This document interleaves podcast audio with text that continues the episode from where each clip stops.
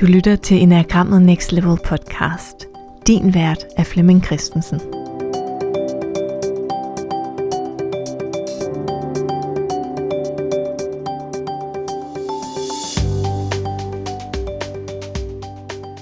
Velkommen til den her episode i podcasten Enagrammet Next Level.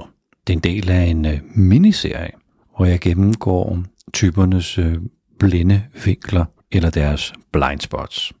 Jeg øh, har tidligere gennemgået type 1 og 2 og 6, og den her episode kommer til at handle om type 3 og 7 og 8. Årsagen til, at jeg lige har taget det her emne op, det er, at jeg har udgivet en øh, bog, der handler om vores blinde type. Og vores blinde type, det er den type, vi ikke kan se.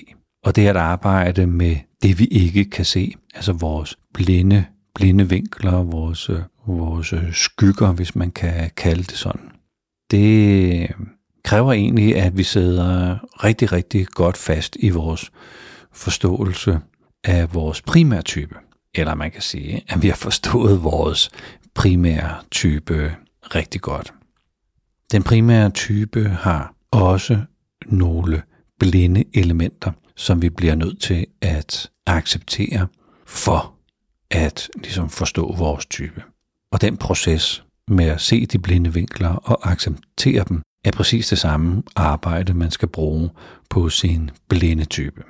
Så du kan betragte det her som en slags opvarmning til at arbejde med den, den blinde type. Som sagt vil jeg gennemgå type 3 og 7 og 8 i den her episode, og jeg vil gerne starte med type 3. Så træerne i os alle sammen er virkelig god til at forme sandheden, forme virkeligheden, forme ting, så det passer til mit perspektiv, mine opgaver, den måde, jeg ser verden på og tror, at ting er indrettet på. Jeg er også rigtig, rigtig god til at blødgøre, nedjustere det, der gik galt. Jeg har en, øh, en god evne til at fremme det, der gik godt. Jeg kan sagtens finde på at sige, at øh, det har været et fantastisk år.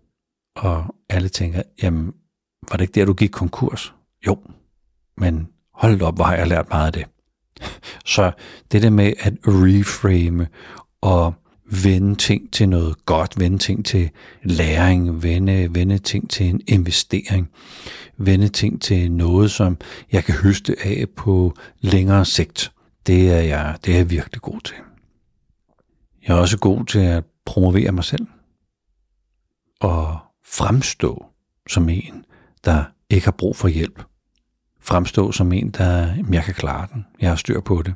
Og jeg er virkelig, virkelig, virkelig god til at lukke mine følelser ned, så jeg ikke bliver påvirket af, at situationen er vanskelig eller bøvlet eller, eller svær. Så jeg har en meget pragmatisk holdning til problemer. Det er formodentlig sådan træerne i os alle sammen, der antager, at vi har ikke nogen problemer. Vi har opgaver, der skal løses. Så den der omformulering af problemerne, øh, reframingen, det, øh, det er sådan en træer-mekanisme. Så overordnet set, så det at justere sandheden for mig selv, mm, blødgøre eller nedtone det, der gik galt, og gå lave det til læring i stedet for. At være promoverende og selvpromoverende og pragmatisk, og ligne en, der sådan, altså har en, øh, en holdning, også en kropsholdning. Hey, jeg klarer den. Jeg har ikke brug for noget. Hvis du relaterer dig til type 3, og har det ligesom din primære type, så er det en forudsætning for det videre arbejde med enagrammet, at man kan se de her blinde ting at man kan acceptere, at det er også en del af mig. Det er ikke det fulde mig, men det er også en del af mig. Og hele den her acceptproces, og hele det at få den, få den integreret og sige, ja, det, det er altså en del af mig. Det er ikke det, der styrer det hele. Det er ikke kun det, og det er en del af mig. Det er præcis den proces, der også skal til for at arbejde med den blinde type. Det næste, jeg gerne vil kigge på, er syveren. Og min, min evne til at være optimistisk øh, bliver hurtigt noget øh, barnligt, uforudsigeligt og en, et forsøg på at undgå det, der er svært i livet. Så jeg, jeg har en tendens til at være sådan overdreven optimistisk i kritiske situationer. Jamen, det går nok. Det er slet ikke noget problem. Der, øhm, der, det, det hele det løser sig. Og det er jo klart, det kan være super, super, super positivt at have den der overdrevne optimisme. Men hvis vi skal koordinere aktiviteter sammen med andre, vores kolleger eller vores familie, så bliver jeg faktisk øh, en, man ikke kan stole på. Fordi jeg tager, jeg tager ikke udfordringerne seriøst. Jeg sætter mig ikke ind i tingene nok. Jeg øh, forestiller mig, at jeg selv vil kunne klare noget, og så vil alle de andre også kunne klare noget. Så jeg kommer til at overføre den her lette, lette tilgang til tingene på, at sådan synes andre også, at, at det skal være. Og hvis jeg på et tidspunkt står i en rolle som en autoritet, så vil folk jo i første omgang have en tendens til at lytte på dig som syver og, og tro på, at det du siger er sandt. Men når man så opdager i den virkelige verden, jamen det, det holder jo ikke. Det, det, er jo ikke. det er jo ikke sådan, det er. Det, det er simpelthen for optimistisk. Så kan man miste øh, tilliden. Jeg kan også have en humor, der, der ikke respekterer andre som mennesker med deres religion, med deres øh, tankesæt, med deres måde at orientere sig i verden på. Så jeg kan, jeg kan på en eller anden måde komme til at tro, at alle har det ligesom mig. Og glemme at gå en tur i andre menneskers sko og virke alt for uforudsigelig og upålidelig. Det er elementer, som hvis du relaterer dig meget til 700, der tænker du sikkert, gud, hvad er det her kedeligt. hvorfor, hvorfor skal jeg begrænses af sådan noget? Hvorfor, hvorfor skal det hele være så sort? Og det er jo sådan nogle ting, som vi alle sammen i hver vores type skal, skal forbi, så vi kan komme hen til accepten af, jamen det her, det er altså konsekvensen ved, at jeg fyrer min type for meget af. At typen faktisk får lov til at bestemme over mine handlinger og mine tanker og mine følelser.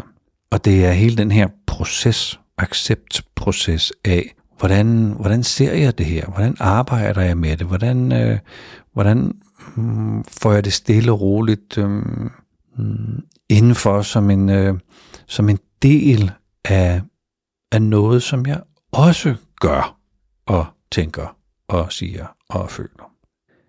Den øh, sidste type, jeg vil gennemgå her, er type 8. Så hvis du primært relaterer dig til type 8, så skal du, skal du opdage, at din øh, energi ofte er for voldsom for de fleste.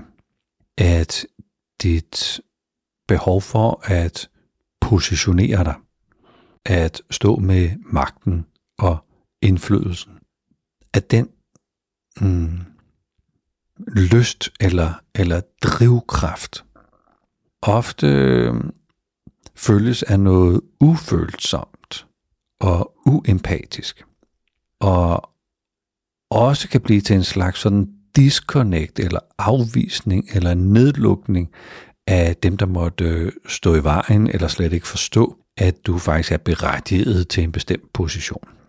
Så det kan godt være, at man som otter øh, har nogle faglige områder eller nogle produktmæssige områder, som er mine.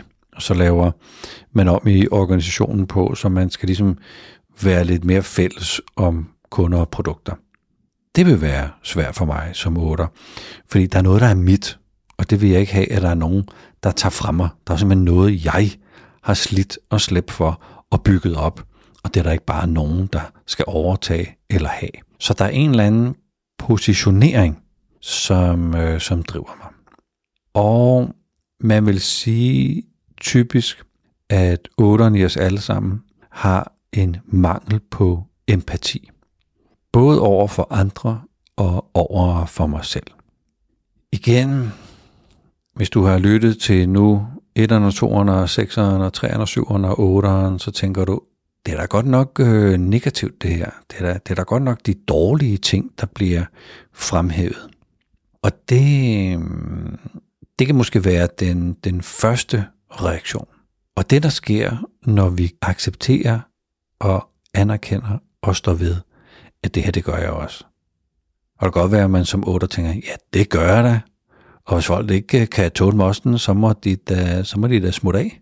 Øhm, det vil så ikke være at acceptere, by the way, de her menneskelige måder at være på. Men når jeg accepterer det, så begynder jeg at kunne time det. Så begynder jeg at kunne anvende, hvis det er for otteren, min energi og min direktehed og mit ansvarsfuldhed og det, jeg gerne vil passe på, øh, dem jeg ligesom har under mine vinger. Øh, jeg begynder ligesom at kunne balancere det og spille de her talenter ind på en med, med rettidig timing. Så selvaccepten begynder at skabe balance i den primære type. Men hele processen med at opdage det her, og få det fortalt, og måske sådan lige smask sat, sat op lidt, øh, lidt hårdt, som, som den måde, jeg lige har gjort på her. Øh, hele processen med at komme ind bagved og lande med det, er præcis den samme proces, som hvis man vil arbejde med sin blinde type. Så øh, håber det her det giver inspiration til det videre arbejde med din primære type. Og at du på den måde sådan bygger færdigheder op til, hvis du har lyst til at arbejde med din blinde type. Tusind tak, fordi du lyttede med her.